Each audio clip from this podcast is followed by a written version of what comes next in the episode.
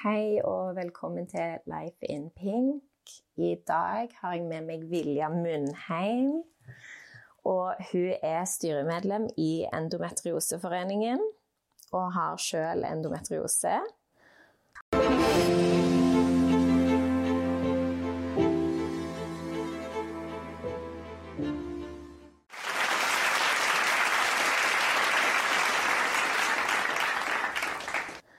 I dag gleder jeg meg til å snakke om dette temaet. Og så gleder jeg meg til å høre hva Vilja har å si. Så kanskje du starter med å fortelle om hva det er du gjør i Endometrioseforeningen? Uh, ja, jeg eh, er jo da styremedlem i Endometrioseforeningen. Har nå vært det i et år. Um, Endometrioseforeningen ble stifta i 1997, så det har jo vært gående ganske lenge og har vært drevet frivillig egentlig hele tida fram til i fjor. Da fikk vi en ansatt i en 50% stilling. Og nå, i 2023, så er det en 100% stilling. Og det er Ane som er vår kommunikasjonsrådgiver. Så vi har én ansatt, og så har vi ni styremedlemmer, inkludert styreleder. Eh, og vi jobber jo hovedsakelig frivillig da, og så er vi veldig heldige da med Ane som er så god på kommunikasjon og kan løfte fram foreningen og det vi holder på med, og våre fokussaker. Men så ønsker vi jo selvfølgelig at vi skal ha med oss noen flere ansatte etter hvert, sånn at arbeidsmengden blir litt lettere for oss i styret. At vi kan jobbe med mer politiske ting og få til endringer da, i helsesektoren i mm. forhold til endometriose. Hva er det som er fokusområdene nå? Eh, for øyeblikket så er det jo at eh, det har jo f.eks. nettopp kommet ut denne her kvinnehelserapporten. Eh, og det var jo ganske nedslående resultater. At det har egentlig skjedd veldig lite siden forrige rapport ble skrevet. Og i den forbindelse så er det jo De resultatene er jo noe vi vil gjøre noe med. Vi ønsker jo at kvinner som har kvinnesykdommer, eller som har plager som da ikke heller rammer menn, eller som rammer kvinner på andre måter enn menn, skal få mer fokus. Og da spesielt vår sak, som da er endometriose og adenomyose. Um, så vi jobber med å lese gjennom denne rapporten, bearbeide den, og så vil det komme et høringsinnspill på den da mot sommeren. Mm. Um, I tillegg så har vi hatt litt fokus i det siste på å klargjøre litt mer i forhold til dette her med pasientskadeerstatning. Eh, vi har jo dessverre eh, medlemmer eller folk som lider av adenomyose og endometriose, som har opplevd forsinka behandling, som gjør at eh, de har fått store, permanente skader, f.eks. Eller eh, gjør at de da ikke fungerer så godt som de kunne gjort hvis de hadde fått behandling tidligere i forløpet, f.eks. For eller selve behandlingsopplegget har vært feil, eller diverse, diverse. Og så er jo gjerne ikke det så tydelig på hva er framgangsmåten når man skal søke om pasientskadeerstatning? Eh, og hvor kan man finne støtte til dette? Um, så det er noe vi jobber litt med i bakgrunnen og uh, ja, ønsker at vi skal komme litt mer opp i lyset, da. For det gjelder jo flere, og statistikken hos Norsk pasientskadeerstatning er jo litt nedslående òg i forhold til pasienter som har endometriose f.eks. og har søkt om erstatning, så er det veldig få som får det, da. Mm. Um, ja. Så jobber vi jo opp mot politikere. Vi ønsker jo å få uh, en nasjonal behandlingstjeneste for endometriose og adenomyose. Uh, at uh, det skal være mer kunnskap og informasjon. at man skal få behandling fortere. Få ned diagnosetida. For nå tar det jo gjennomsnittlig syv år for å få en diagnose. Og det er jo ikke helt bra. Det er mye skade som kan skje i løpet av de årene, som kan skape ganske frustrerte situasjoner når man f.eks. kommer i en livssituasjon der man ønsker å få barn, og finner ut at da kan man ikke bli gravid fordi endometriose har herja i kroppen en stund og lagd en del skade, f.eks. Mm. Mm. Men er det et behandlingsprogram for de som har endometriose? Eh, det er ingenting som egentlig er standardisert. Eh, det er ikke nasjonale retningslinjer for hva gjør man når en pasient kommer inn og man mistenker endometriose eller adenomyose. Eh, så det vil jo være litt ulikt fra sted til sted hvor man, hvor man får behandling, eh, på hvilken måte man får behandling. Så ofte så er det jo at eh, man blir henvist til en gynekolog som gjør en ultralydundersøkelse, f.eks., og så er det jo pasient, pasienthistorikken da, på hva symptomer og plager er det man opplever. Og så mistenker gjerne gynekologen at da er dette kanskje snakk om endometriose. Og kan henvise da til enten først til MR med endoprotokoll, eller at man henviser til skikkhullsoperasjon. Mm.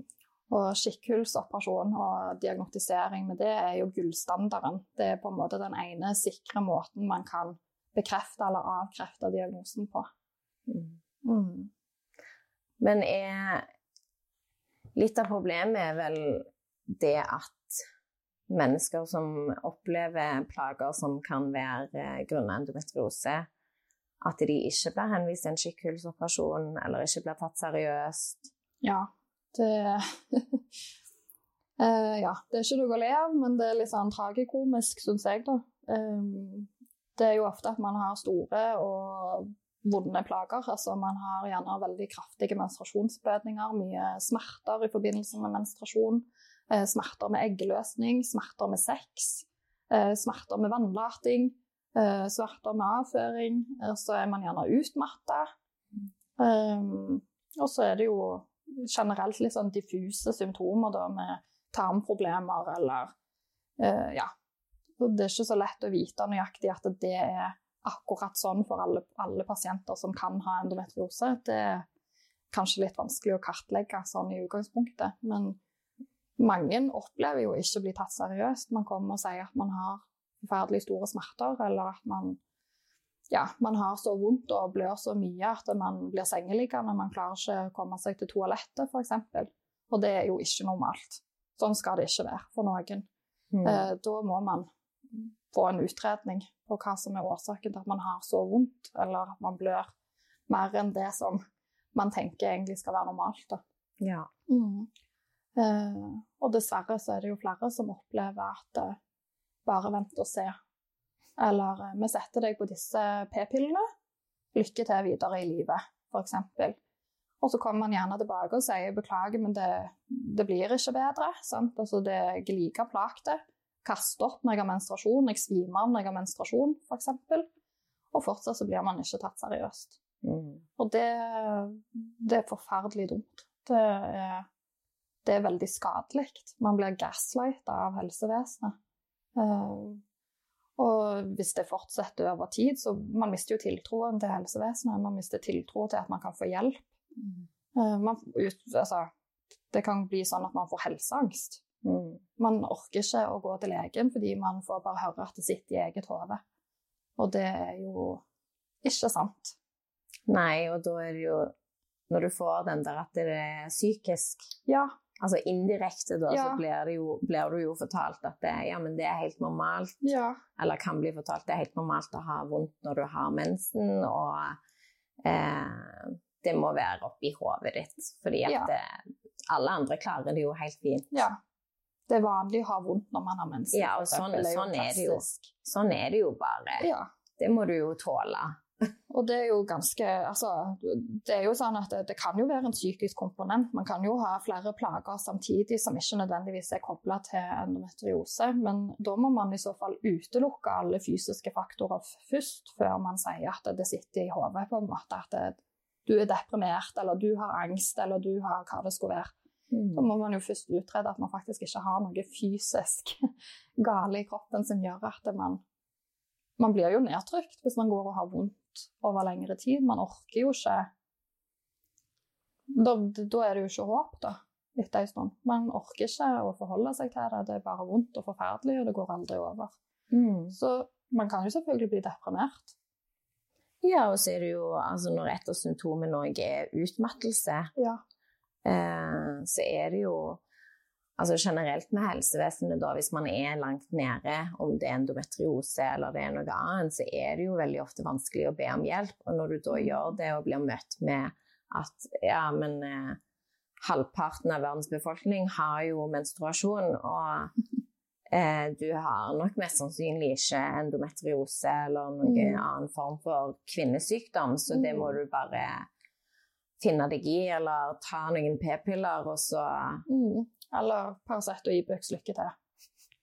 Mm. Ja, sorry at jeg ler, jeg òg, men Vi har jo begge endometriose sjøl, da. Ja, vi har jo det. Så uh...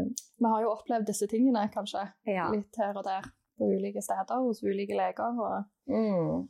så det er jo ikke nødvendig sånn at eh, legen, eh, eller legene, ønsker å møte deg på den måten. Jeg tror jo ofte at de gjerne kan oppleve litt frustrasjon hvis man har en del diffuse symptomer og plager som man ikke helt klarer å spikre en plass.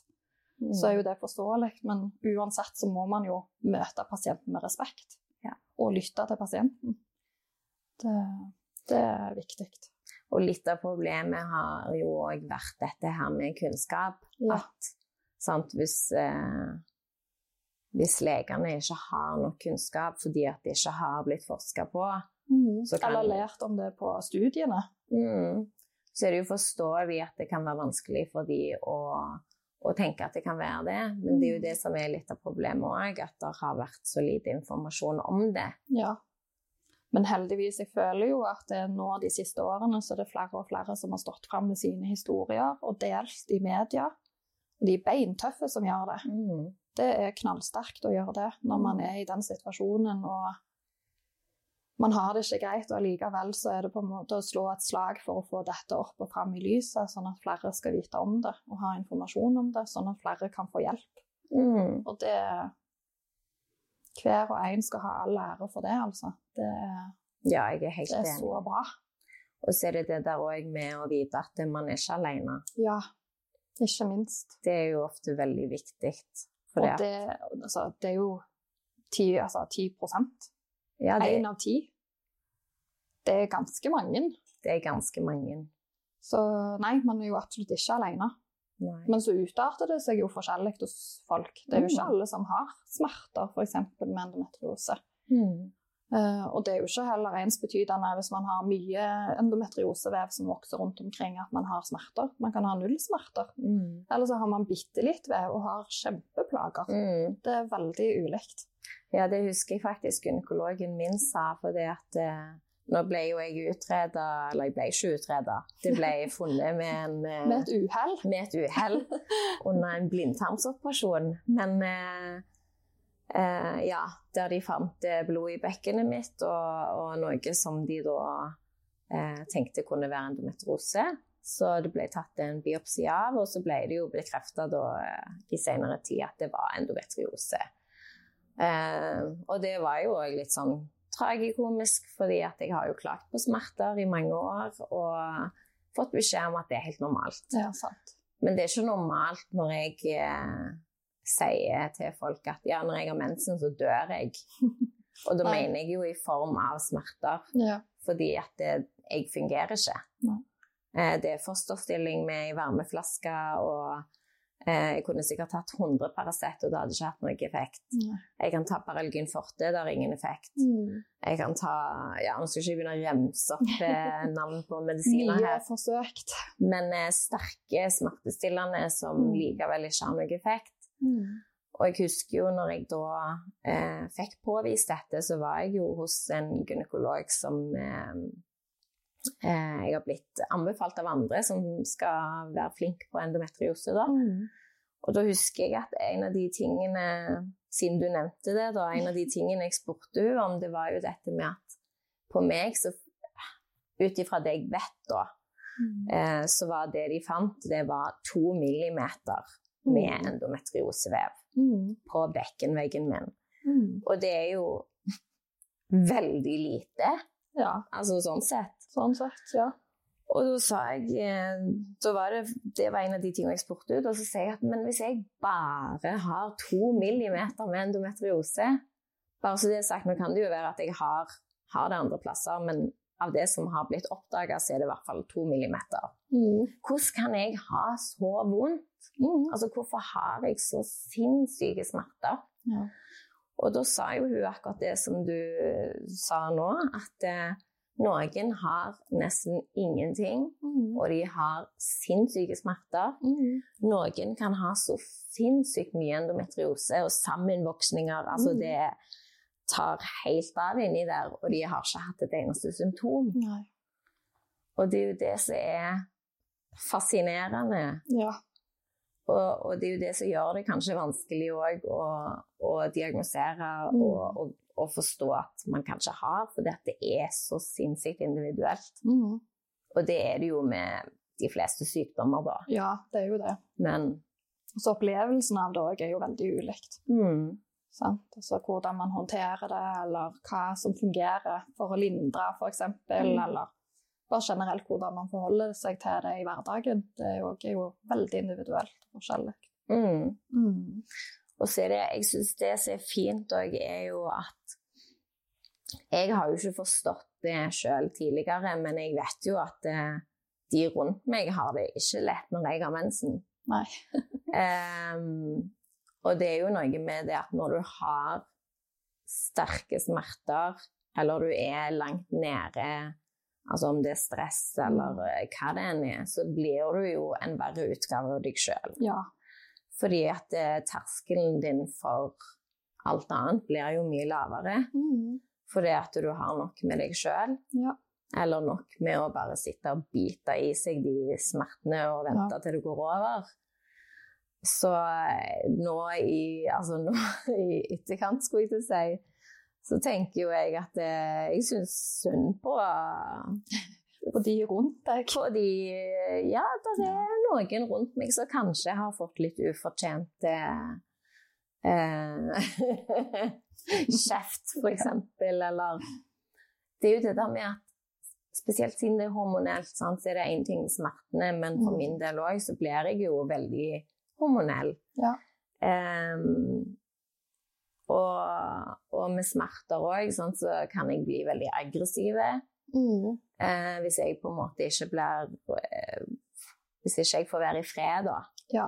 Egentlig så burde jeg jo bare låst meg inne på et rom og, og vært Ja. der i ei uke, men sånn, hvor, hvor tragisk er ikke det, da? ja. Det skal jo ikke være nødvendig. Nei. Nei.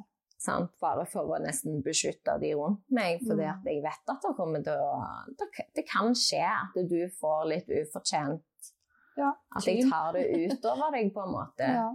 Fordi at det, det er ikke noen annen måte å få det ut på. Nei. Og det, er jo, det kan jo være veldig tøft for pårørende òg. Å være pårørende til noen med endometriose og adenomyose. Det, det er jo ikke kjekt når f.eks. partneren din blir trilla inn på operasjonsstua og de begynner å fjerne masse organer fordi at alt er ødelagt, f.eks. Og så sitter du som pårørende på venterommet og hvordan skal dette gå? sant? Altså du, det er jo en spesiell situasjon, og i hverdagen òg. Du må jo ta mer av lasset som pårørende i de periodene man har ekstra mye vondt, eller ja, at symptomene er så plagsomme at man ikke klarer å gjøre dagligdagse ting lenger. Og i ytterste konsekvens så blir det på en måte at du, du blir nesten en pleier. Mm. Å hjelpe eh, partneren sin til badet. Mm. Du klarer ikke å komme dertil på egen hånd, f.eks. Det er jo det er ikke lett å være pårørende heller. Nei, og det er jo ikke kjekt for uh, verken den som har endometriosen, eller den pårørende. Og jeg tenker det er sikkert mange òg som sant, Hvis du trenger den hjelpen eller den Mm. pleien, og, og har en partner som da må ta store deler av lasset, så kan du jo fort òg skamme deg litt for Ja. det. Altså, du føler deg jo drit fordi Ja. at du ikke klarer å eh, At du har på en måte da en sykdom Mm. som Du blir liksom til bry for andre. Mm. Og det er jo ikke noe mennesker generelt liker. Så det, ja. Og jeg har jo en sønn i tillegg. eh, Og det å forklare en ettåring eller en toåring eller en treåring eller en fireåring hvorfor mamma ikke orker å gjøre ditt og datt, eller hvorfor mamma ikke klarer å reise seg fra sofaen på en fornuftig måte, altså det, det er kjempevanskelig. Det er beintøft. mm. Eh, og det blir jo litt sånn en sorg Mm. i tillegg. At man ikke I perioder så klarer man ikke å leke med barnet sitt. Mm. Eller man klarer ikke å være med på bading og kveldsstell eller legging eller måltider, eller Man går glipp av mye. Mm. Det er, det, det er en av de tingene jeg syns er veldig tøft, da, med, liksom når man har barn som pårørende. Mm. Eh, Og hva støtte og oppfølging han får. Sant? Da blir det jo enda mer belastning på partneren min i forhold til å følge opp. Så det Ja, nei. Det er ikke lett. Ja, sant. Og så er det jo det der med at det er jo ingen som har lyst til å ha det sånn. Nei. Og jeg, jeg er jo sånn Å, herre min, jeg føler jeg har mensen hele veien. Ja. Sant? Fordi at, I hvert fall når det er når det er så grusomt som det er, Mm. og det er så smertefullt, og i hvert fall for min del også, så får jeg ekstrem utmattelse, i hvert fall den uka. Mm. Eh, sliter med konsentrasjonen. Eh, jeg kan tvinge meg på jobb, men jeg er jo ikke Jeg burde ikke være der. Altså, jeg får jo ikke gjort Du har ikke noe å bidra med? jeg har ikke, liksom. Nei, jeg har ikke noe å bidra med, helt ærlig. Og, og det er jo kjipt, for jeg har jo lyst. Mm. Selvfølgelig har jeg lyst. Jeg har ikke lyst til å ligge på sofaen og synes synd på meg sjøl. Ikke det at jeg nødvendigvis syns synd på meg sjøl heller, men jeg har jo ikke lyst til å være i den situasjonen. Ehm, og da blir det nesten sånn at du får et sånn hatforhold til det å ha menstruasjon òg. Ja. Og det er jo en del av det å være kvinne. Mm. Og, og det syns jeg er så dumt òg, for jeg har ikke lyst til å mislike kroppen min på Nei. den måten. Nei. Når kroppen min egentlig gir uttrykk for at vet du hva, nå har jeg det kjempetøft. Mm. Og så har jeg tanker om at det er din drittkropp, eller liksom Ja, Kan du ja. ikke bare fungere normalt, Ja, eller sånn? Bare ta deg sammen. Skjerp deg. Ja, den Spill der standard der. Mm. Ja. Og så er det jo vanskelig eh, i forhold til dette med partnere òg. Eh, nå har jo ikke jeg visst hele livet at det er endometriose jeg har, men jeg tenker jo samtidig at det, jeg skal ikke måtte si det heller. For det at når jeg har hatt tidligere eh, samboere eller kjærester som jeg har hatt, da, så har det jo Altså, jeg har jo mest sannsynlig hatt det hele livet, og jeg har jo fått høre flere ganger at det, «Ach, er det virkelig så vondt? Er det så gale? Mm. Sånn, De tror jo ikke på meg, Sånn, men de ser jo at det er Ja. Det er jo ikke sånn at jeg eh, spiller skuespill, liksom. Nei. Det er ganske tydelig at jeg er redusert, og at jeg har smerter. Mm. Men de klarer jo ikke å forstå det. Nei. Det er som problemløser, tankegangen. sant? Og så kommer det gjerne litt eh, velmenende råd òg. Og det, det må det jo være lov å komme med, men eh, når man er i en sånn situasjon altså Det er jo ikke som om man ikke har prøvd. Det er ikke som om man ikke har prøvd alt mulig for å bedre tilstanden. Man gjør jo så godt man kan, sant? og da å få eh, velmenende råd der du ligger i fosterstilling og har kramper opp til ørene, og så liksom Ja, du skulle ikke bare trent litt styrke, da? Eller tatt deg en time yoga? Har du prøvd en sukkerfri diett? Jeg skjønner jo at man ønsker å hjelpe, eh, men det er gjerne ikke det man trenger akkurat der og da når det står på som verst, liksom. Nei. Eh, Nå setter jeg det jo litt på spissen, men det er, jo, det er jo det vi mennesker gjør. Vi ønsker å hjelpe andre. Mm. Vi ønsker å løse problemer. Sant? Selvfølgelig. Men så passer det gjerne ikke alltid. At Nei. man heller ønsker å bli møtt med Jeg ser at du ikke har det så greit. Er det noe du trenger? Er det noe jeg kan gjøre for deg? Mm. Sant? Istedenfor å på en måte bare anta at dette er en quick fix. Mm. Uh, drikk en smoothie med grønnkål, så blir det bra, liksom. Yes. Ja. I wish. Ja. ja. Hadde det bare vært så lett, så selvfølgelig. Hvem, hvem hadde ikke prøvd det? Man hadde jo prøvd det. Det, Mm. det er jo òg det som Det er jo litt dumt igjen, sant? fordi at det, man begynner jo nesten å bli litt desperat. Og Hvis man møter motbør på å få hjelp og bedre situasjonen, så begynner man jo å ty til all slags mulige løsninger for å bedre egen situasjon. Mm. Eh, Det er jo ikke nødvendigvis helt bra. Nei, og jeg tenker jo òg det at eh, jeg kan godt forstå at det sikkert er en del eh, kvinner der ute som driver med selvmedisinering på andre måter, Mm. som ikke er helt sunne. Fordi at det hjelper, og det er kanskje det eneste som hjelper. Mm. Det er det beste alternativet man har, liksom. Ja, og man er jo Så er det jo ikke et godt alternativ allikevel, sant. Altså det Nei, fordi vi, sånn som du sier, vi er jo, vi er jo som regel eh, problemløsere. Vi vil jo Mm. fikse ting. mm. Hvis det er et problem, så vil vi fikse det. Og hvis du har endometriose og du har mye smerter, så vil, ville du jo prøvd alt. Ja. Alt av alternativer du kommer på Ja. som, som kan hjelpe eller Mm. bedre de smertene. Selvfølgelig. Men når det da ikke er en fasit Nei, og det er jo Ja.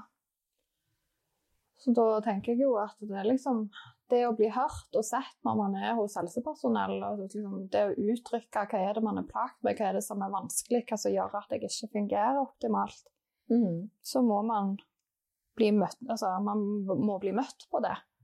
Man må bli hørt på det. Og forhåpentligvis er det en lege som lytter, og som tar deg på alvor, og som finner alternativer som er sunne og gode løsninger på hvordan man kan bedre situasjonen. Mm. Men så er det jo òg det at det, som virker for noen, virker ikke nødvendigvis for andre. Det er veldig ulikt. Noen har veldig god effekt av en sukkerfri diett, f.eks. Kutte ut rødt kjøtt, kutte ut koffein. Eh, andre har gjerne bedre effekt av yoga, avspenningsøvelser. Mm. Noen syns det hjelper å gå til fysioterapeut for, som er eksperter på bekkenbunn. Oh, ja. Jobbe med avslapningsteknikker i bekkenbunn. Eh, man, når man har mye smerter, så spenner man jo muskulaturen hele tida. Mm. Og det å finne gode måter å spenne av, at man gjerne ikke trenger å krampe overalt hele tida, f.eks. Men å gå til en fysioterapeut mens du har de smertene, Nei, det vil jo det går jo ikke. umulig. Akkurat i den situasjonen så går ikke det, og det hjelper ikke at du ikke spiser sukker den dagen. Nei. Sant? Man har jo de sant? Det er jo ja. Det er det der med livsstil. Hva er det som fungerer? Og det syns jeg jo er så ironisk, dette her med sukker. For nå vet jo de aller fleste at eh, når du har mensen, eller kanskje uker før, så har du veldig lyst på sukker. For eksempel. For mange. Jeg er i hvert fall en av de. Så, og jeg vet jo det at eh, jeg har jo lest meg opp, og som du sier, et av tipsene er jo det å ikke spise sukker, da. Eh, og jeg har prøvd å spesielt rundt den tida. Fordi for min del da så er, er endometriosesmertene syklus Altså det Jeg har det kun under menstruasjon, og Mm. kanskje noen dager før, Ja. og under eggløsning. ja. Eh, men mest i forhold til menstruasjon, knyttet opp mot menstruasjonen, da. Eh, og da har jeg jo prøvd liksom at OK, så nå disse dagene skal jeg i hvert fall ikke spise sukker. Ja, lykke til. Jeg har jo cravings på absolutt alt jeg ikke burde spise, liksom. Ja. ja. Men det jeg eh, faktisk har eh, merka at det hjalp for meg, og som du sier, det er forskjellig for alle, men eh, jeg ble anbefalt av noen å ta magnesium. ja. Så tenkte jeg hm, fordi selvfølgelig, ja, det har ikke jeg prøvd før, kanskje jeg skal prøve det. Og det jeg gjorde da, som jeg tenkte var logisk i mitt hode, var at jeg begynte å ta Jeg tar magnesium til vanlig, da, Mm. men at jeg tar dobbel dose begynner jeg med uker før menstruasjonen. Fordi jeg kan jo oppleve å ha PMS i tillegg. Og da er det plutselig to uker med helvete hver måned. Det er ganske ofte. Det er veldig ofte. Litt for ofte. Ja. Eh, og det lindrer faktisk smertene for min del. Altså, nå er det fortsatt et helvete, Ja. men jeg merker forskjell. Ja. Eh, så det kan jeg absolutt anbefale at andre òg prøver. Nå er det jo ikke nødvendigvis at det fungerer, men eh, for noen så vil det nok det. Ja. Og det var sånn jeg bare Her har jeg aldri hørt om. Nei. Jeg husker jeg fikk samme anbefalinger, men det var i forhold til noe annet. Da hadde jeg mye kramper i leggene. Okay. Eh, og da fikk jeg beskjed om å ta magnesium, og det bedra jo faktisk kramping i leggen. Men jeg har aldri prøvd det for menstruasjon, da, så det er jeg litt usikker på om det hadde fungert. Nei, ja, for det er visst et eller annet med magnesium, at det er en slags sånn naturlig smertestillende. Ja, Eller Slappe av i muskulaturen eller et eller annet. Jeg husker ikke, men eh, ja. Altså, det, mm. det, det var jo ganske kult, syns jeg, for det var liksom bare magnesium. Ja. Jeg for eksempel, jeg tar D-vitamin. Ja. Det begynte jeg med nå i ja, om det var desember eller januar, det husker jeg ikke. Men jeg har liksom aldri kommet på det, at vi bor jo i Norge uten sol store deler av året. Tuller du? Eh, så det visste ikke jeg, at D-vitamin var noe kroppen gjerne hadde behov for. Så tar, det har jeg tatt nå, og det har hjulpet veldig på den utmattelsen. da. Har det det? Det har gitt meg eh, en liten ekstra boost. Altså, det tar ikke alt, det gjør ikke det, men det går greit å komme seg på jobb og ha en arbeidsdag. Jeg er jo tom når jeg kommer hjem, da, men, Ja. men det er bedre enn å ikke ha noen ting. At man ikke at man må liksom veie opp det energinivået på orker jeg å ta en dusj i dag. Sant? At vi er der nede. Så er det bedre å ja. Så jeg opplever at det hjelper litt på energinivået da, at jeg ikke føler meg så slapp og trøtt. Mm. Mm. Ja, jeg tar, eh, jeg tar alle sånn hva skal jeg si, viktige vitaminer, for jeg tenker det kan ikke skade. Nei. Så jeg òg tar, eh, tar D-vitaminer. Det gjør jeg hver dag hele året, Mm. uavhengig om det er sommer eller vinter. Ja. Eh, jeg tar B-vitamin. Ja. Jeg tar eh, magnesium. Mm. Jeg graver litt med piller, da. Altså, hver måned hele hånda, liksom. Magnesium, kalsium, D-vitamin, B-vitamin. Mm. Nå kjøpte jeg faktisk nettopp jern òg, Ja. men det er egentlig mer som en test. Mm. Fordi at jeg har, jeg har helt fine blodprøver, jeg har Og det er, det er jo litt interessant òg, for jeg tar jo de her vitaminene hele året, men jeg har likevel ikke for mye av de. Nei. Så, så det er liksom min måte da på å hvert fall være sikker på at jeg ikke mangler noe. Ja. Og at liksom det er vitaminer, så det skal veldig mye til for å få for mye. Ja, ja, ja. Og så er det jo sånn, det er greit å ha i bakhodet òg at det selv om man har endometriose, sant? at man har fått den diagnosen, så betyr ikke det at det er ikke andre ting, eller at symptomene og plagen man opplever kan være andre ting i tillegg til. For det er jo ikke uvanlig at man har f.eks. endometriose og fibromyalgi, for Mm. eksempel. Eller ME. Eller Altså, det kan være andre ting i tillegg, så derfor er det veldig viktig at altså, Opplever man nye symptomer eller forverring av symptomer, at man alltid tar en ekstra runde hos legen, da, bare for å få Mm. utelukka hva som er hva. Mm. Man kan jo fortsatt bli veldig, veldig syk av andre ting.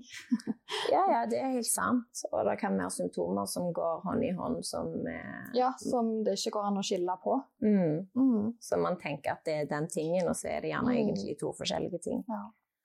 Det er jo derfor det er veldig viktig at eh, når man går til legen eller helsepersonell, at de, at de utelukker, sånn som du sier, Mm. um, istedenfor å bare ta, ta en sånn standpunkt med at eh, nei, men det er så diffust at vi vet ikke helt hva det er. nei. nei. Uh, og, få, og, og det er jo litt det der med at det er jo veldig mange som har den erfaringen med, med legen eller generelt med helsesystemet at man må, man må stå på sitt. Du må kreve, du må nesten overdrive. Du må spille skuespill for å få lov til å få det du faktisk vil. Ja, altså Hvis det- målet ditt er å få en henvisning, f.eks., mm. så, så hjelper det ikke å si liksom at det, For de fleste liker jo egentlig å pynte litt på det, for du har ikke lyst til å virke negative. Så liksom, ja, jeg har litt, mag jeg har litt magekramper, eller jeg har Ja. litt Så er det så- gjerne Jeg er sånn litt trøtt. ja. Ja. Så er det sånn, ja, men ta heller og så Si det sånn det er, Mm. og litt til. ja. Og si heller det at vet du hva, jeg har så sinnssyke magekramper at det, Ja. jeg klarer ikke å bevege meg. Nei. Jeg har lyst til å bite meg i armen. Ja. Jeg klarer ikke å ta en dusj fordi at jeg er så sliten. Mm. Altså, du fungerer ikke. jeg har et veldig godt eksempel på det. For jeg, jeg har aldri vært den som på en måte har hylt høyest eller eh, vært supertydelig eh, på hva jeg trenger og hva jeg vil. og hva, ja. Eh, Så når jeg går til legen, så prøver jeg alltid å opptre ganske sånn fornuftig og litt sånn uten følelser. Sant? For du vil ikke være den som begynner å grine på legekontoret fordi alt er så gale. Det har skjedd, det òg, kanskje. Mm. Um, men, men også er det jo noe med at hvis man er vant med smerter, og man er vant med sterke smerter, så gir man gjerne ikke uttrykk for det. Man lærer å holde maska på en måte. Bruke energi på det, at ikke alle andre skal på en måte se hvordan du har det til enhver tid. Yeah. For det er jo negativt lada, på en måte. Mm. Eh, Så da, da husker jeg at jeg, jeg fikk akutte magesmerter. Det var helt enormt vondt. Eh, og jeg ringte til fastlegen min og sa at nå, nå er det et eller annet løye som skjer, og jeg begynte å blø. Eh, og det kom ut Altså, det ligna på kyllingfilet. Så jeg tenkte Hæ, har jeg abortert, liksom? Har jeg, hva, hva er dette? På en måte forsto ikke helt hva det var, men jeg blødde helt enormt, og smertene var veldig intense. Eh, og da husker jeg, for jeg var alene med Olve på det tidspunktet, så var vel han åtte måneder, syv-åtte måneder eller noe sånt. Uh, og det å løfte han, og det å være med han Jeg hadde så intenst vondt, og legen sa ja, ja, da skal vi bestille sånn øyeblikkelig hjelp til deg oppe på sykehus eh, hos gynekolog. Og så ble den sendt av gårde, den bestillingen, og så fikk jeg komme til fem dager etterpå. Hæ? Ja, jeg vet ikke hvorfor, men jeg kom inn fem dager etterpå. Jeg ble tatt opp på avdelingen, og de tok en blodprosentsjekk og eh, HCG-måling og sånn. Um, og da eh, Da sa jeg bare at dette, dette er det vondeste jeg har hatt på lenge. Sånn akutt vondt, liksom. Det kom veldig brått. Det er mye på en gang. Det er kjempevondt. Og så gjorde de en undersøkelse og sa ja, vi vet ikke helt hva dette er. Det kan være ditt, det kan være endometriose, det kan være eh, en graviditet i egglederen, det kan være ditt og datt. Sant? Og så fikk jeg beskjed om at nei, bare gå hjem. Eh, bare dra hjem og så vent og se. Hvis det blir vondere eller hvis du får feber, så kan du komme tilbake. Liksom. Da ringer du inn. sant? Um, og så kommer du inn på en ny sjekk om to dager. OK, greit. Kom jeg inn da to dager etterpå, og så uh, hadde jo blodprosenten gått ned. Sant? Og så ble jeg jo sendt på operasjon da jeg ble uh, operert en kveld. Fikk beskjed om at det skulle ta en halvtime. Det tok fem timer, den operasjonen. Og når jeg våkna på oppvåkningen, så spurte jeg hun sykepleieren hva er det som har skjedd. Hva, hva var det som var gale? Hvorfor? Ja. Eh, bare vent litt, jeg skal hente kirurgen, liksom. Og så kom kirurgen, og hun bare Ja, det er jo bare flaks at du lever. Liksom indre blødninger. Og da var det egglederen da som hadde sprukket. Det gikk ganske mange dager. Og du venta fem dager før du kom inn første gangen? Før jeg kom inn første gangen. Altså, men det er jo da du på en måte lærer at da går du rett på akutten sjøl, eller da ringer du ambulanse. Sant? Men det er jo ikke lett å vite på en måte hvor alvorlig er det, for det er jo hele tiden deres. Jeg vil ikke være til bry. Mm. Sant? Noen har det sikkert verre enn meg. Mm. Uh, ja. så, så da skjedde jo det én gang, og så opplevde jeg det samme en gang til. At jeg ble gravid i egglederen. Og da gjenkjente jeg jo smerten. Og da gikk jeg jo rett på. Sant? Ja. Da visste jeg jo dette er på en måte, Nå vet jeg hva det er. Dette er det som skjer med kroppen min. Bare Mm. få meg inn. sånn. Men det er jo det som er litt dumt òg, for du må nesten ha vært gjennom noen sånn eh, skumle opplevelser for å nesten forstå det der at eh, vet du hva, jeg ringer bare ambulansen. Ja. For det sitter så langt inne hos de fleste det der at Mm. ja, men hvis jeg ringer ambulansen, da skal, jeg jo, da skal Da det være døende. så Ja. ille. Og jeg husker jo det sjøl når jeg eh, fikk den her akutt blindtarmsbetennelsen. Da eh, sånn, For jeg, jeg er jo vant til smerte. Jeg er vant til å ha magekramper. Jeg, jeg har endometriose. Mm. Jeg har cøliaki. Altså, jeg har, jeg har hatt mye vondt opp gjennom livet, og det, det er liksom bare normalt for Ja. meg. Og da, men da lå jeg på, eh, eh, på baderomsgulvet Mm. Med sinnssyke kramper. Og først så lurte jeg på fordi at det var ikke, jeg, jeg var ikke i nærheten av å ha menstruasjonen, da, så jeg Mm. tenkte jo ikke at det hadde noe med endometriosen å gjøre. Men jeg tenkte kanskje har jeg spist noe jeg ikke tålte? Er, det en, er det en allergisk reaksjon? Mm. Fordi det har jeg veldig sjelden. Mm. Så der er det litt sånn at jeg glemmer mellom hver gang Ja. hvor, hvor jævlig det faktisk Mm. er. Men hvis det hadde vært det, så hadde jeg jo begynt å spy, og det gjorde jeg ikke. Nei. Så jeg lå med de her krampene, og vet du hva, jeg har aldri hatt så vondt i hele mitt liv. Eh, og det, det minte litt om endometriosekramp, altså den, vi snakker den skalaen. Mm. Men det som skjedde etter hvert, var jo at det begynte å spisse seg inn mot høyresida. Ja. Eh, og jeg hadde jo da kjæreste på det tidspunktet, og jeg eh, Jeg prøvde jo å, å få det til å virke som det var, ikke var så gale som det var, som du sier. Det er jo det vi gjør. Vil ikke være til bry, vil ikke ringe ambulansen, vil ikke på akutten. Nei? Og jeg ligger der, og det blir ikke bedre. Det blir verre og verre, og jeg kjenner at eh, Hvordan skal dette gå? Mm. Altså, Jeg vet ikke hvor lenge jeg klarer å ligge her, og det går ikke over. Jeg forstår ikke hva som skjer. Det jeg da innså, var jo at eh, Jeg så jo på typen min at han var bekymra. Mm. Og han, har jo sett meg, han hadde jo sett meg med endometriosesmerter, altså med Mm. forskjellige ting. Ja. Sånn som man gjør hvis man er i et forhold. sant? Mm. Ser jo hverandre syke og alt dette her. Eh, og så husker jeg eh, at jeg, jeg ringte mor mi, da. Mm. Han satt jo med meg på, på badet, da. Eh, og stakkar prøvde å hjelpe, sant? men det var jo ikke noe han kunne gjøre. Og jeg visste jo ikke, jeg heller. Eh, og så liksom fant han Han måtte jo ringe mor mi, da. Den lå med høyttaler på gulvet, og jeg sier jeg har sinnssyke smerter, og liksom Ringe mamma, vet du. Hun må alltid ringe mamma. Eh, jeg husker ikke helt hva hun sa da, men uh, hun sa jo et eller annet sånn at ja, OK, men hvis det blir verre, så bør du kanskje bare ringe, Mm. ringe ambulansen, da. Mm. Men for meg så var det liksom sånn ah, Men det er så flaut. ja. Ja, det, det, er liksom, det er flaut å se Mm. sånn. Det er ikke det. Nei. Og det er mye bedre å ringe ambulansen eller dra på akutten enn å Hvis det er virkelig noe gale, Mm. så er det bedre å gjøre det en gang for mye enn en gang for lite. Ja. Eh, og så etter jeg hadde snakket med henne, altså, Dette her ga seg jo ikke. Jeg tror jeg lå på badet i to timer. ja. Og det var sånn jeg hadde lyst til å tygge av meg armen, liksom. Ja. meg. Ja. Eh, jeg tok vel noe smertestillende, ingenting hjalp. Og til slutt så ringer jeg da inn til eh, Jeg vet ikke om det var ambulansen eller akutten, men vi ringte i hvert fall. Mm. Og så er det jo sånn, Men da tenkte jeg jo òg, skal ikke være til bry, jeg skal bare snakke med dem.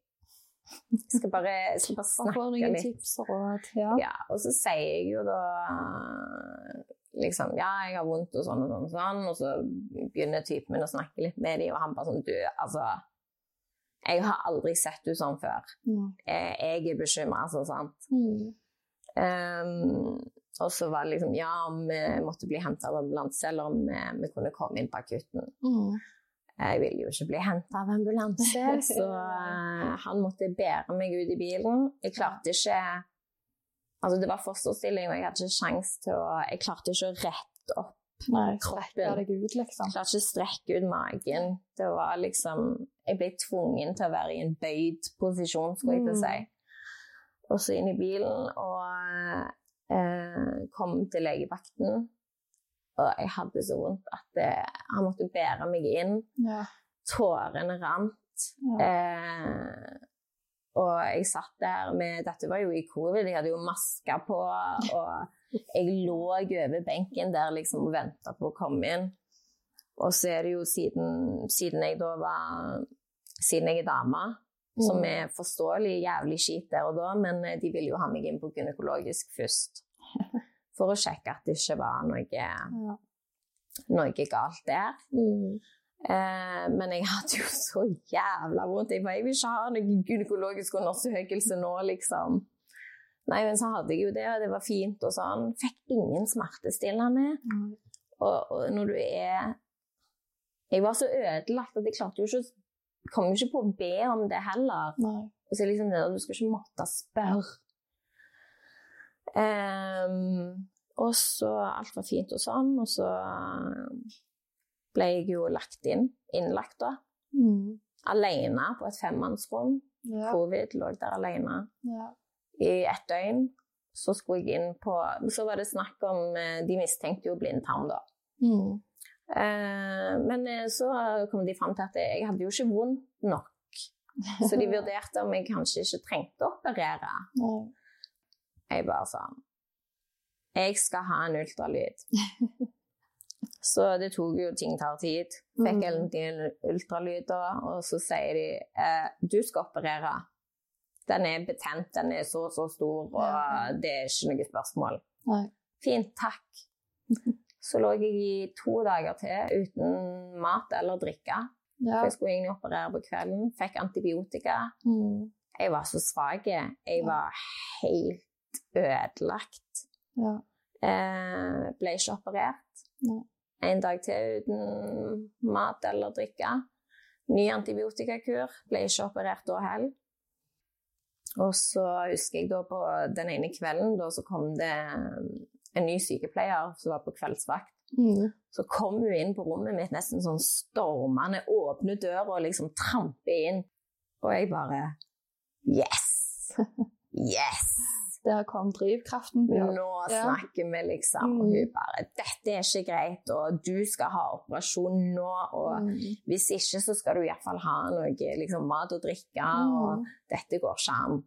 Og bare det glasset med saft der, jeg ble jo høy, skulle jeg til å si. Ja, ja. Altså, Kjapp virkning der. aldri opplevd noe lignende før.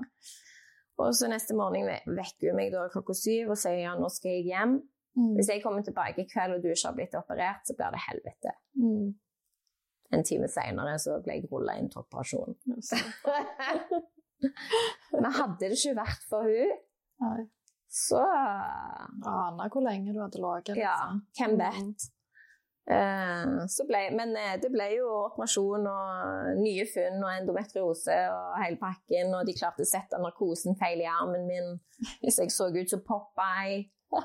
Så når jeg ble sendt hjem, så var det ikke liksom snakk om magen eller endometriosen, det var at jeg måtte gi beskjed hvis armen min ble svarte. Ja. ja. Så det var den opplevelsen. Hei Uff. Nei, men det er jo ganske sånn Det skal jo ikke være tilfeldig om du får hjelp eller ikke. Altså Det må være en slags standard på hvordan blir man mottatt. Hva er det man Mm. mistenker? Hva gjør man da? Hva prøver tar man? Hva er behandlingen? Hva Mm. muligheter fins? Skal vi operere? Det må jo være en retningslinje rett og slett på plass for at man skal Det skal være likt. Det skal ikke være sånn at du hvis du dukker opp på sykehuset på mandagen, så blir du møtt av hun som på en måte tar et tak og får ting gjort. sant? Eller at du møter de som på en måte stuer deg inn på et rom og glemmer deg. Det, er jo, det skal jo ikke være forskjell. Nei. Det Nei. Nei, og det er jo det jeg syns òg er så spesielt, fordi at det, i etterkant og sånn, eh, når jeg fikk vite at jeg hadde endometriose, så forventa jo jeg faktisk at det var en, eh, en eh, plan. Ja, en fortsettelsesfølger. En prosedyre, Ja. retningslinjer for Ja. OK, nå har vi, nå har vi oppdaga dette, og det har Mhm. blitt påvist, Og da skjer dette og dette. og da er veien Ja. videre sånn og sånn og sånn. Mm. Men det er det jo ikke. Nei. Nei. Så det som skjer er at jeg, jo, jeg fikk beskjed av sykehuset at jeg skulle bli kontaktet av en gynekolog hvis, mm. hvis det ble påvist. Mm. Og, og fikk egentlig inntrykk av at det var en slags oppfølging da. Ja, Men jeg fikk jo, endte jo opp med et brev i posten. Du har endometriose, ferdig. snakkes. Så måtte jeg jo da bli henvist til gynekolog sjøl, og hadde jo 10 000 spørsmål. Mm. Fikk vel egentlig ikke svar på så mye der. Mm. Og jeg forstår at det kan være vanskelig å svare pga. at av er, der er så lite kunnskap om det. Mm. Eh, men samtidig så er det jo veldig dumt at det ikke er en, en plan. Mm. At når man får påvist en sykdom, mm. så er veien videre sånn og sånn og sånn. Ja, Jeg pleier jo å si det at jeg er jo sånn sett litt heldig, for jeg hadde ikke den lange diagnosetida. Mm. Jeg var 17 år, og så fikk jeg med en tilfeldighet altså Jeg gjorde en sånn underlivsundersøkelse. Jeg sleit en del med sånn soppinfeksjoner og sånn. Skulle bare ha en vanlig sjekk på at det ikke var noe gale, og ta en liten sånn bakterieprøve og sånn. Og under den eh, undersøkelsen så fant fastlegen at han kunne kjenne søster. Mm. Han kjente søster. Henviste meg videre til en gynekolog. Eh, Kom til han. Det tok ikke lang tid. Og det første han sa under ultralyden, var du har gammel damesykdom. Og så forklarte han at det var endometriose, da. For det var en sånn eh, antakelse om at eh, endometriose var noe eldre damer fikk. sant? Altså Når de skulle prøve å bli gravide og fant ut at de ikke kunne bli gravide, så hadde de endometriose. Så han kalte det gammel damesykdom. OK. Og så ble jeg med en gang henvist videre til laparoskopi. Eh, Så var det lang venteliste eh, her, så jeg ble fritt sykehusvalg. Ble sendt til Haukeland. Og da Nei, det var nydelig. Da var det på en måte Tjom Tjom hadde med meg mamma, husker jeg. Da hadde jeg vel fylt 18 år på det tidspunktet, og det var sånn Ja, nei, vi opererer deg i dag, men siden du har endometriose, så må du bli gravid med en gang. Du må bli gravid fortest mulig hvis du vil ha mulighet til å få barn.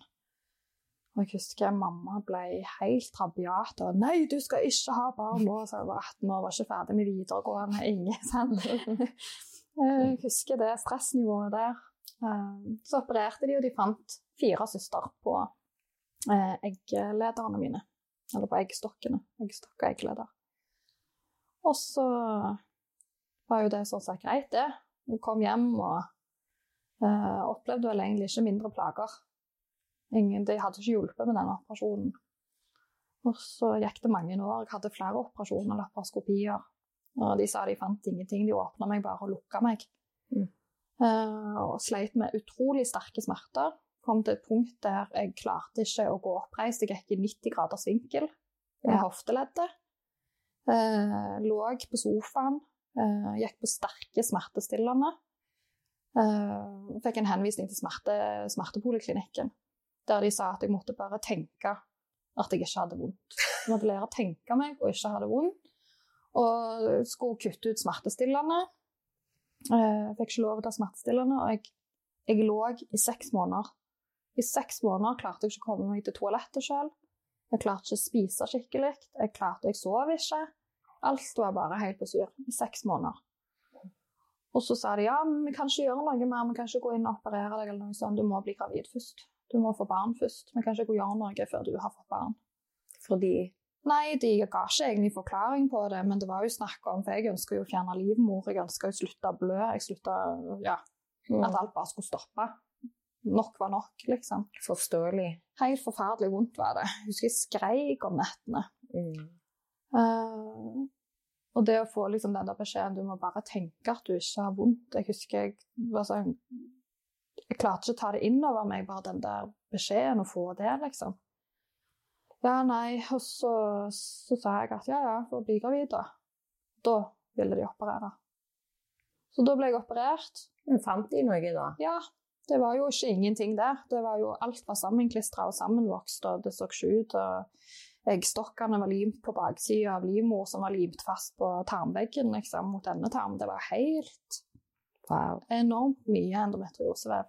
Så det var ikke løye at jeg hadde gått i 90 graders vinkel. Alt var jo bare klistra sammen på den måten. Så da løsna jeg opp i det. Det var heldigvis en veldig kyndig kirurg som fjerna alt av vev. Mm. Og ble gravid året etterpå. Ingen problem. Mm. Satt på første forsøk.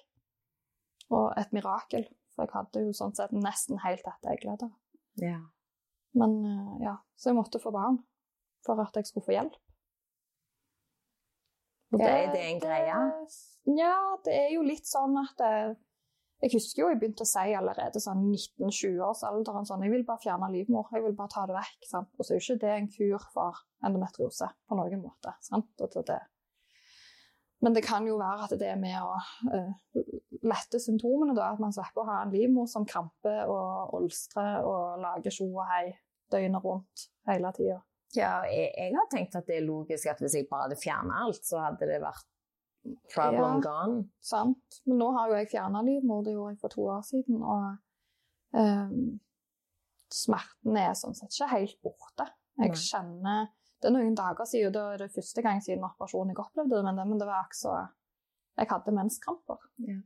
Men jeg har jo ikke livmor, så var jo ikke livmoren det krampa i. på en måte. Men det kjentes sånn ut. altså Samme kvalme og intensitet og strålinger alle veier. og Mm. To dager med menssmerter. Jeg har ikke livmor. Det er litt spesielt. Så nervene spiller jo en ganske stor rolle i dette. Altså, man har jo kjempemange nerver i bekken. Men kan endometriosevevet gi kramper? Nei, det tror jeg ikke. Det kan jeg ikke noe om, men det, det vil jeg ikke tro. At vev i seg sjøl kramper. Det er jo ikke en muskel. Liksom. Nei, for jeg har bare forstått det sånn at eh, altså nå er det jo eh, kvinner med endometriose som har smerter eh, hele måneden. Mm. Eh, ikke kun når de har menstruasjon. Jeg var jo en av de. Ja. Ja. Men, men jeg har òg forstått at det er en sammenheng med menstruasjon. At når du får menstruasjonen, så, så aktiveres eh, Mm. endometriosen. Mm. Eh, fordi at du òg da Du blør, sånn Mm. som alle gjør. Mm. Men du blør òg fra endometriosevevet. Ja. Hvor enn det er. Ja. Så for min del så blør jeg da rett ut i bekkenet, i tillegg til den naturlige måten. Ja. Mm. Men du kan ikke få kramper i vevet, liksom. Nei, det ser ikke helt for meg. Men hvordan forklarer de da at du, hvordan får du de krampene selv om du Nei, har det er jo det som jeg Jeg var jo en tur hos legen. Ja. For dette var jo på en måte nye plager og symptomer som jeg ikke har hatt på en stund. Sant? Og da er det jo Det kan jo være hva som helst, sier legen. Sant? Det kan være endometriose, at det er nytt endometriosevev som ligger en eller annen plass, f.eks. på tarmen, og at det er tarmen som kramper. Mm. Eller så kan det være helt andre ting. Jeg prøvde meg jo f.eks. på yoga en dag. Det var jo genialt. Jeg hadde jo vondt i fem dager. Jeg er ikke vant med å bevege kroppen på den måten. Jeg har jo alltid hatt vondt. sant? Jeg skal akkurat si det, yoga er helt uaktuelt for min del. Og så er det jo det der med den der pustinga hele tida, sant. Og så, ja. Nei, så det er jo litt sånn hva er kroppen vant med, hva kjenner kroppen til, hva tåler kroppen, sant. Og så er det jo veldig ulikt hvordan man oppfatter det. Så Mm. Nei, så jeg vet ikke hvorfor. Nei. Det kan jeg ikke svare på. For jeg har jo bedt om Jeg er jo plaget med andre smerter. Jeg føler jeg har mensen i ryggen nå. Nå er det ikke i magen lenger, jeg har det i ryggen, kjennes det ut som. Og så har jeg veldig mye smerter og stråle, strålesmerter ned i beina og nummenhet. Mm. Så jeg ba jo legen om å sende en ny henvisning, og så sier han ja, til sykehuset her. Og så sier jeg nei, aldri i livet. For der, der kicker litt den der helseangsten inn. At det, der har jeg aldri blitt tatt på alvor. Mm. Det, de har aldri gjort ting rett. Det er sånn det oppleves. Det, Hvor ble du henvist, da? nei, da fikk jeg, eh, jeg ba om henvisning til Ullevål. Ja. Jeg har jo blitt operert der to ganger tidligere, og eh, kirurgen min, Guri Majak, hun er jo Ja, jeg anser jo henne som den som kan mest, som er dyktige, som lytter. Er Mm. god til å ta imot pasientene. Eh, og jeg har følt meg trygg når jeg har vært hos henne. Mm. Og så nøye og ivaretatt. Men da fikk jeg avslag på henvisningen pga. at det er så stor pågang. Det er så lange ventelister, og de, vil, de tar ikke nå imot folk fra andre områder av landet. da. Mm. Og det har bygd seg opp ganske store uh, ventelister under pandemien. Selvfølgelig, det har jo skjedd på flere avdelinger, men det er ganske stort etterslep, da, spesielt på gynekologisk avdeling på Ullevål. Mm. Mm. Ja, det bør man jo gjøre noe med. Og det òg er jo en ting etter hvert som nå når endometriose blir mer kjent, og folk vet litt mer om det, og at det, det er gjerne det som er problemet mitt. Det er det jeg kjenner på. Det er derfor jeg har vondt, det er derfor jeg har smerter. Og så går de til legen og får henvisning og skal ha laparoskopier, så er det noe med Tar helsevesenet høyde for det? Mm. Er det noe som tar imot de andre enden, som kan gi de den laparoskopien? Mm. Eller skal vi ha fire års ventelister, f.eks.? Ja. Nå setter jeg det veldig på spissen, men ja. eh, Men det er jo noe av det man prøver å gjøre noe med, at det Ja. blir mindre ventelister. mindre ventelister, og at det, der er solid kompetanse på området, ikke minst både i form av forskning, og at det, Mm. Fagpersonellet har utdannelse og forståelse for hva er det endometriose gjør, og hvor finner du det, og hvordan behandler du det. Ja, og det er jo det som er, da må man jo ha eh, gynekologer som har den kunnskapen, men òg kapasiteten. Ja, ikke minst. Og det har jo vært snakk om noe sånn eh, Nå når det er så mange som blir diagnosert, Mm. eh, på grunn av at det der er mer informasjon om det, så har det jo òg vært eh, kommentarer på at det, ja, det har blitt en trend å ha endometriose. Ja. Og det syns jeg jo er helt fantastisk, for det handler jo ikke om trend. Nei. Det handler jo om at det ikke har vært fokus på det, og det har ikke vært kunnskap om det. Og nå, når eh, flere hører om det, så innser de at de faktisk kanskje har det, og har hatt det i Mm. mange år sjøl òg. Mm. Og selvfølgelig da vil det være en økning i kvinner som blir diagnosert. Mm. Forhåpentligvis, egentlig. Mm. Samtidig, dette her med å kalle det en trend og sånn, det er jo egentlig ganske absurd. Det er jo ikke en trend man ville ha hoppet på. Nei, Det er ikke sånn ikke i det hele tatt. Det er så kult med slengbukser, liksom. Det er ikke det samme. Slengbukser kan man ta av på et tidspunkt, men endometriose er jo en kronisk sykdom. Mm. Og man kan jo bli operert, og man kan få hormonbehandling, og man kan få smertelindring, og fysioterapeut og sexolog og alt mulig. Men det betyr ikke at man blir frisk og kurert. Mm. Men man kan få et bedre liv. Men er det, eh, altså sånn det er nå, er det noen rettigheter man har med den diagnosen? Som du sa nå, at du, du kan få Ja, Kan du kreve de tingene? Ja, man må jo nesten etterspørre det sjøl, for det er jo ikke en kompetanse man får servert på fat. liksom, at Når du er hos fastlegen og du har diagnosen endometriose og plak, så sier han å ja, men kanskje du skal ta deg en tur til en fysioterapeut som spesialiserer seg på bekken. De gjør gjerne ikke det, for de vet ikke at det er en god eller liksom en av måtene man kan Mm. For eksempel. Mm. Um, nei. Ja, og det er jo ofte sånn man må på en måte sitte på så mye av informasjonen sjøl Ja, at man nesten må fortelle behandler hva man Ja. trenger eller vil ha. jeg, Ja, det gjør jeg òg. Og da setter jeg veldig pris på altså Jeg forventer jo ikke at en fastlege skal kunne alt og vite alt. De skal jo kunne det meste. sant? Og så skal de vite hvor de skal sende deg hen for å få Mm. diagnose og hjelp. sant? Mm. Um, og da syns jeg det er veldig fint at en lege kan innrømme og si at dette kan jeg ikke noe om, men jeg skal finne ut av det. Ja. Altså det å ha litt ydmykhet på det og være litt ærlige på tilstanden, istedenfor å tro at du har hele vedet og sier ja, nei, men nå har du tatt Paracet og Ibux, og det skal hjelpe fint, det. Hvis ikke det virker, så sitter det i hodet ditt. Ja. Helt enig. Sant? Mm. Altså det, det er ingen som tenker mindre om noen som kan innrømme at eh, 'jeg kan ikke noe om det'. Det er, mye, det, det det er det beste du kan si, Mm. syns jeg. Mm. Og det er jo derfor de ofte henviser videre òg. Ja. Man gjør jo det med hudsykdommer og Ja. alle andre ting. Altså sånn, ok, Hvis det er noe gynekologisk, f.eks., ja, du kan ta en undersøkelse hos legen din, Ja. men mest sannsynlig så vil jo legen si at det, eh, sier det er noe med huden. da, ok, Jeg sender deg til en hudspesialist. Mm. Jeg sender deg til øre, nese, hals. Mm. Jeg sender deg, Og det er jo fordi at de har en veldig sånn basic kunnskap Ja. om mye, men de er ikke spesialister. De er cruise director. Altså de skal vite hvor de skal veilede og henvende pasienten og, Mm. med ulike tilfeller. Mm. Og så kan de jo selvfølgelig hjelpe med andre ting, skrive ut resepter osv., men Mm. de har gjerne ikke Ja. De har jo ikke den dybdeforståelsen nødvendigvis. Nice. Noen har jo det. Noen har jo satt seg inn i det. Men Mm. eh, det er jo ikke noe de får opplæring i på studiet nødvendigvis. Og jeg, har jo hørt at ja, vi hadde kvarter om det en gang i den timen, f.eks. Mm. Um, og min fastlege han sa jo at eh, dette er faktisk det jeg har lært om endometriose, og så viste han meg en halv side med skrift Ja. eh, på PC-en. Um, og det er vel og bra, det, men det, det er jo ikke veldig dekkende. Nei, og det er jo ikke hans feil. Nei, det er ikke hans feil i det hele tatt. Så da setter jeg pris på at han sier ja, det er jeg ikke helt sikker på, men det skal jeg sjekke opp i. Mm. Ja takk. Ja. Det er det jeg trenger. Jeg trenger ikke så mye mer enn det. Istedenfor å høre at ja, men er du egentlig litt deprimert? da? Tenker du egentlig at ting ikke er så greit nå? Ja, jeg tenker jo det, men det er jo ikke det det handler om. Altså, det er jo bare en bivirkning av Mm. at man ikke kommer noen vei, at man Mm. står litt fast i en dårlig tilstand. da. Ja, Mm. og, og, det er jo sånn hvis man har eh, smerter over lengre tid, selvfølgelig kan det føre til en depresjon. Ja.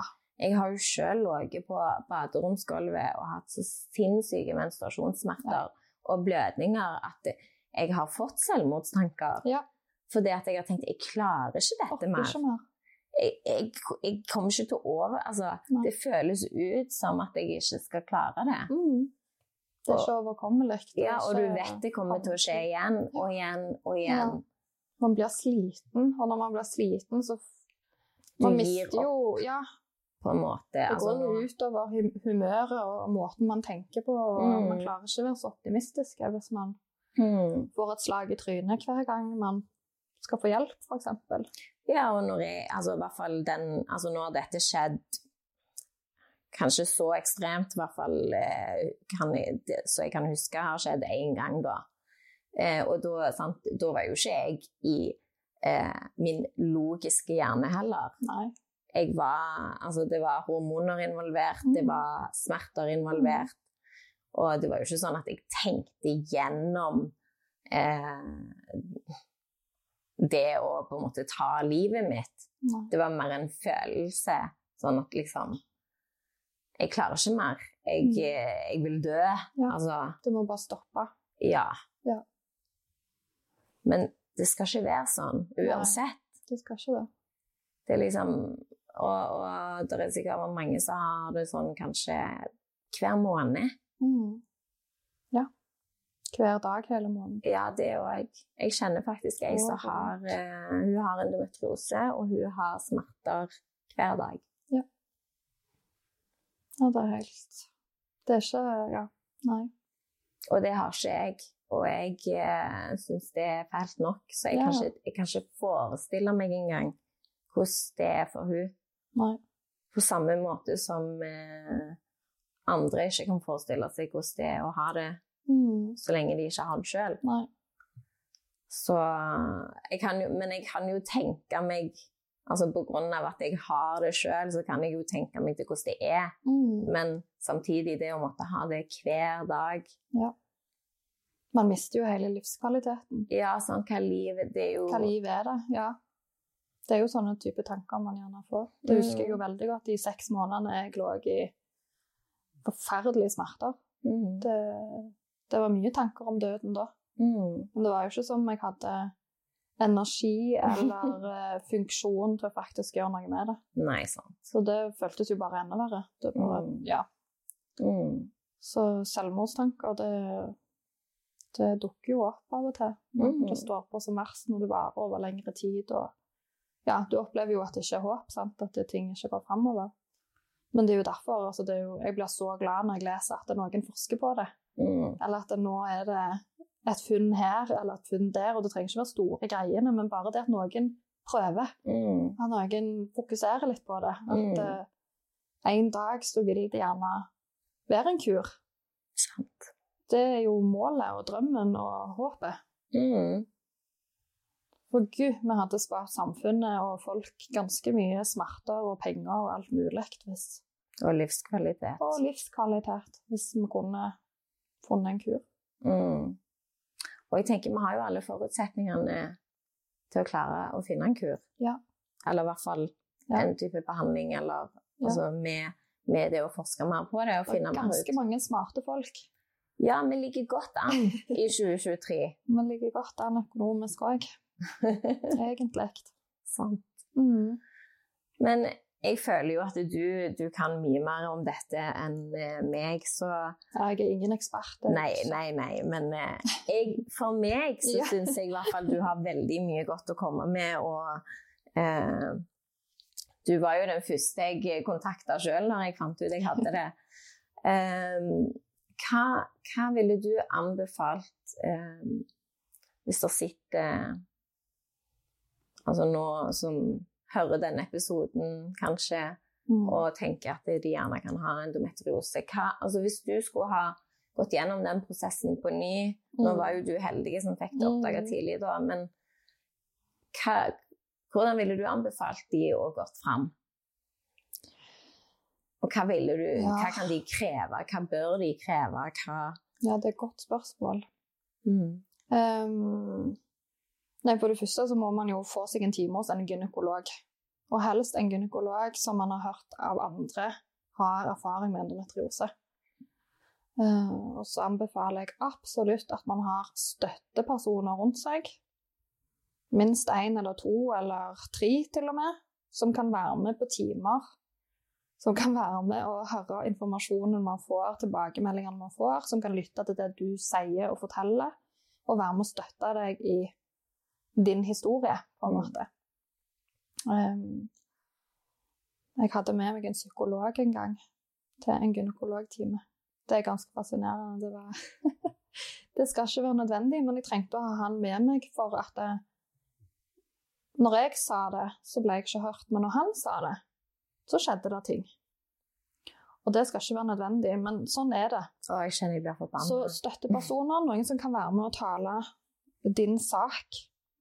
Eh, som kan være med å si noe om situasjonen og hva de ser og opplever at du gjennomgår. Eh, undersøkelse, ultralyd. Eh, og da er det ikke Ja, Det er jo ikke alltid de viser på en ultralyd. det er ikke alltid de viser på en ultralyd. Så er det verdt å prøve hormonelle behandlinger. Altså, det kurerer jo ingenting, men eh, det kan være med å dempe symptomer, det kan være med å lindre plager.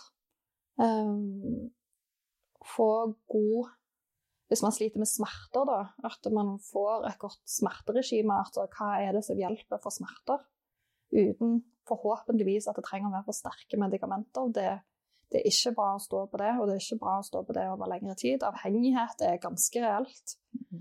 Uh, og det unner jeg ingen å måtte gå igjennom og slutte på når man på et tidspunkt kommer der man er litt bedre igjen. Mm. Um, og så laparoskopi. Mm. Å få en laparoskopi og få diagnosen bekrefta med en vevsprøve. Laparoskopi, er det ja, skikkelsoperasjon. Ja. ja. Men da går de kun inn, inn gjennom, gjennom navlen? Og så lager de et par støttesnitt, altså snitt på sida som de bruker til å flytte på ting og kikke på ting. ja. Mm. Mm. Uh, og da er det jo ofte sånn at det første gang de går inn for å bekrefte diagnosen, så gjør de egentlig ingenting med det. De tar bare den vevsprøven, og så lukker de igjen. Um, sånn som med meg. For eksempel. um, og da er det jo på en måte ut ifra hva de finner, og hva de ser. Og da er det viktig å ha en kirurg som har erfaring med endometriose. For de må vite hva de skal se etter, og hvor de skal se. Mm. Um, og da få lagt en plan for hvordan eventuelt fjerne endometriosevev ut ifra ja, situasjonen, da. Og hvordan får man lagt en plan? Nei, det er jo det som er ganske bra. Men uh, ja, vanskelig. Bra. Vanskelig. Um, Endometrioseforeningen er jo med å støtte opp om uh, de som er i sånne løp, som er pasienter som har endometriose. Eh, vi har like personer som det går an å ta kontakt med, som kan være med og dele sin erfaring og eh, støtte opp om situasjonen man er i. Eh, de har jo vært gjennom forskjellige ting sjøl og har god erfaring og kan mye om prosessene. Og ja, nei, det er vanskelig, det der. Og det er jo litt sånn, det er jo det der vi snakket om, at det er så individuelt nesten hvem du kommer til. Og så er det jo ikke sånn at man har ei liste over det disse kan det, og disse kan det. Altså mm. fagpersoner. Vi mm. har ikke det. Mm. Men det kunne vi hatt hvis vi hadde hatt en nasjonal behandlingstjeneste. Mm. Hvis vi kunne satt sammen et team som var gode på dypinfiltrert endometriose, f.eks. Og et tverrfaglig team med sexologer og mm. fysioterapeuter og smerteenhet og Absolutt. Sant? Det hadde jo vært det som hadde vært optimalt. At det var Det hadde vært fantastisk. Det hadde vært magisk. Mm. Da, da, hadde alle pasienter fått et pakkeforløp, på en måte. Altså, man mm. kunne tilpasse behandlingen og Ja, nei. Ja, i hvert fall hatt de alternativene. Og ja. så ja. må man jo vurdere ut ifra situasjonen. Det er jo ikke alle som ønsker å gjennomgå en operasjon. Nei. Noen lever veldig godt med å bare ta hormonbehandling, altså mm. p-piller eller diverse. Mm. Men jeg syns jo òg en av tingene som eh, Altså, det har jo blitt snakket om i forhold til endometriose, men eh, eh, jeg tenkte jo ikke automatisk på det når jeg fikk diagnosen, at eh, eh, jeg burde begynne å tenke på om jeg ville ha barn eller ei. Eh, og at det kanskje faktisk allerede er for seint. Mm.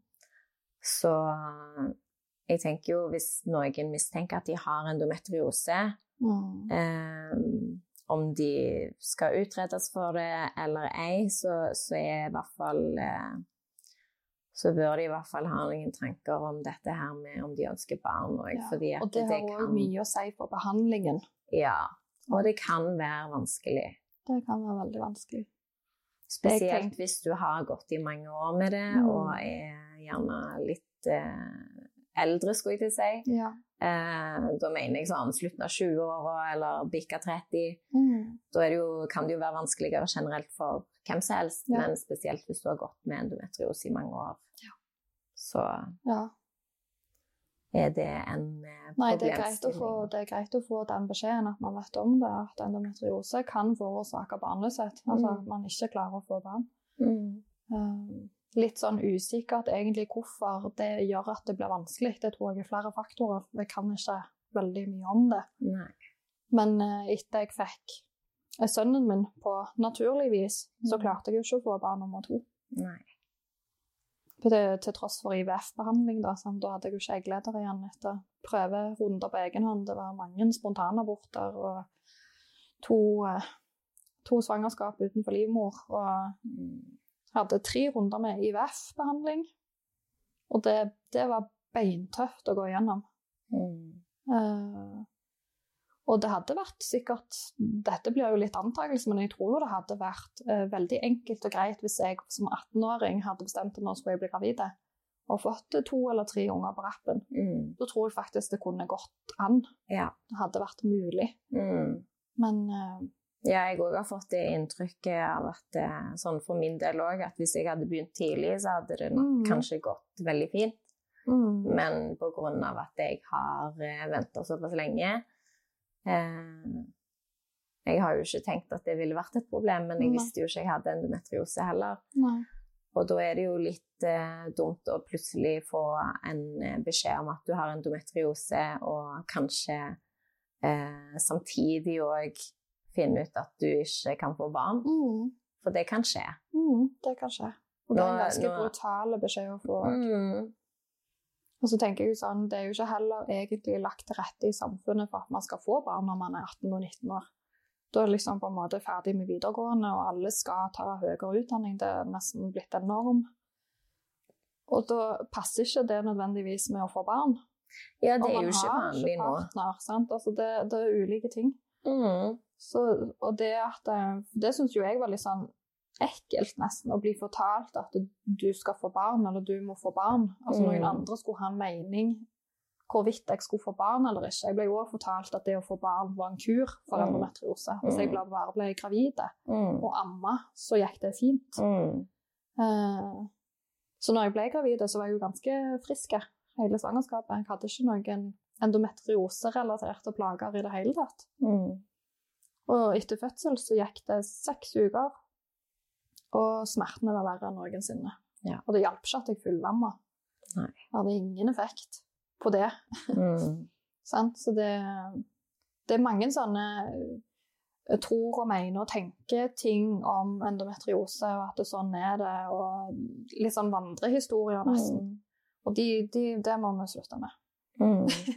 Det er ganske viktig at en lege ikke sier at det er kurativt å få barn hvis man har Mm. endometriose. At hvis du bare får barn, så blir du frisk, Mm. f.eks. Ja. Noen opplever bedring i svangerskap, men det gjelder ikke alle. Mm. Hvis man har for eksempel masse sammenvoksninger og sånn, Det har jo selvfølgelig så merker man jo det. Ja, og det har, jo, det har jo noe å si hvor mye det er. Ja, og ja, ja. Ja. alle er forskjellige. Alle er men, forskjellige. men, men kan det skje at man kan bli kurert mm, altså, ved å bli gravid? Nei. Nei. Nei. Så det er rett og slett en myte. Ja. Fordi man, altså, endometriose eh, fòrer jo seg selv på østrogen. Og så lenge man har østrogen i kroppen, så vil endometriosen i teorien kunne vokse og trives og Ja. skape glede i livet. Kose seg. Kose seg. Lage fest. fest. Ja. og så er det jo òg forskning som sier at endometriosevev i seg selv lager østrogen. Mm. Så det betyr altså, man sier jo gjerne at ja, ja, så lenge man kommer i overgangsalder, så blir man frisk. Så det er en sånn ond sirkel. Uh, og det, for mange så blir det jo ganske bra når de har kommet i overgangsalderen, men Ja. ikke alle. Nei. Det samme gjelder jo med en behandling er jo f.eks. å bli satt i kunstig overgangsalder. Så det kan være du har det resten av livet? Ja, Uansett. det kan være. Men, Til og med overgangsalderen? men det er jo ikke nødvendigvis sånn at det er like gale. Altså, det vil jo endre seg. Det tror jeg. Men uh, som sagt, det er ikke nok forskning. Nei. Så jeg kan ikke nok om det. Nei. Vi ønsker oss mer forskning. Ja takk. Ja takk. ja takk. Ja takk. Mm. Og så tenker jeg jo òg at det, det er viktig at eh, Altså, for dette her er jo ikke Ja, det er kvinnesykdommer, Mm. men det er ikke bare en kvinnekamp. Nei. Jeg tenker det er så viktig at vi har eh, menn Mm. og andre Altså samme hva kjønn du er, Mm. at, eh, at det blir snakket om, og at det er viktig. For det at eh, vi har alle eh, kvinner i livene våre som, som kanskje har dette, og Alle kjenner noen. alle kjenner noen, og Mm. det, det er viktig. Og det er viktig. Alle sykdommer er viktige. nå er jo dette, En av grunnene til at det har, eh, dette er et problem, nå er jo fordi at det har blitt, det har blitt ignorert. Det har ikke blitt forska på. Mm. Det har ikke blitt prioritert. Mm. Eh, og det er jo derfor det er, det er så viktig nå at det, det skjer en endring. Ja. Og det tenker jeg alle kan være enig i. Det tror jeg òg, ja. Har du noen tips eller eh, anbefalinger eller noe du har lyst til å si til slutt? Jeg ønsker at de vi som lytter, som har endometriose, eller som mistenker at de har endometriose, melder seg inn i Endometrioseforeningen. Det ønsker jeg. Og ellers så vil jeg at de som, i, altså, som har endometriose, eller som mistenker at de har det, eh, og føler seg litt alene og frustrert og forvirra, og ikke nødvendigvis føler at de får den hjelpen de trenger, at de vet om at de kan ta kontakt med Endometrioseforeningen for støtte og bistand.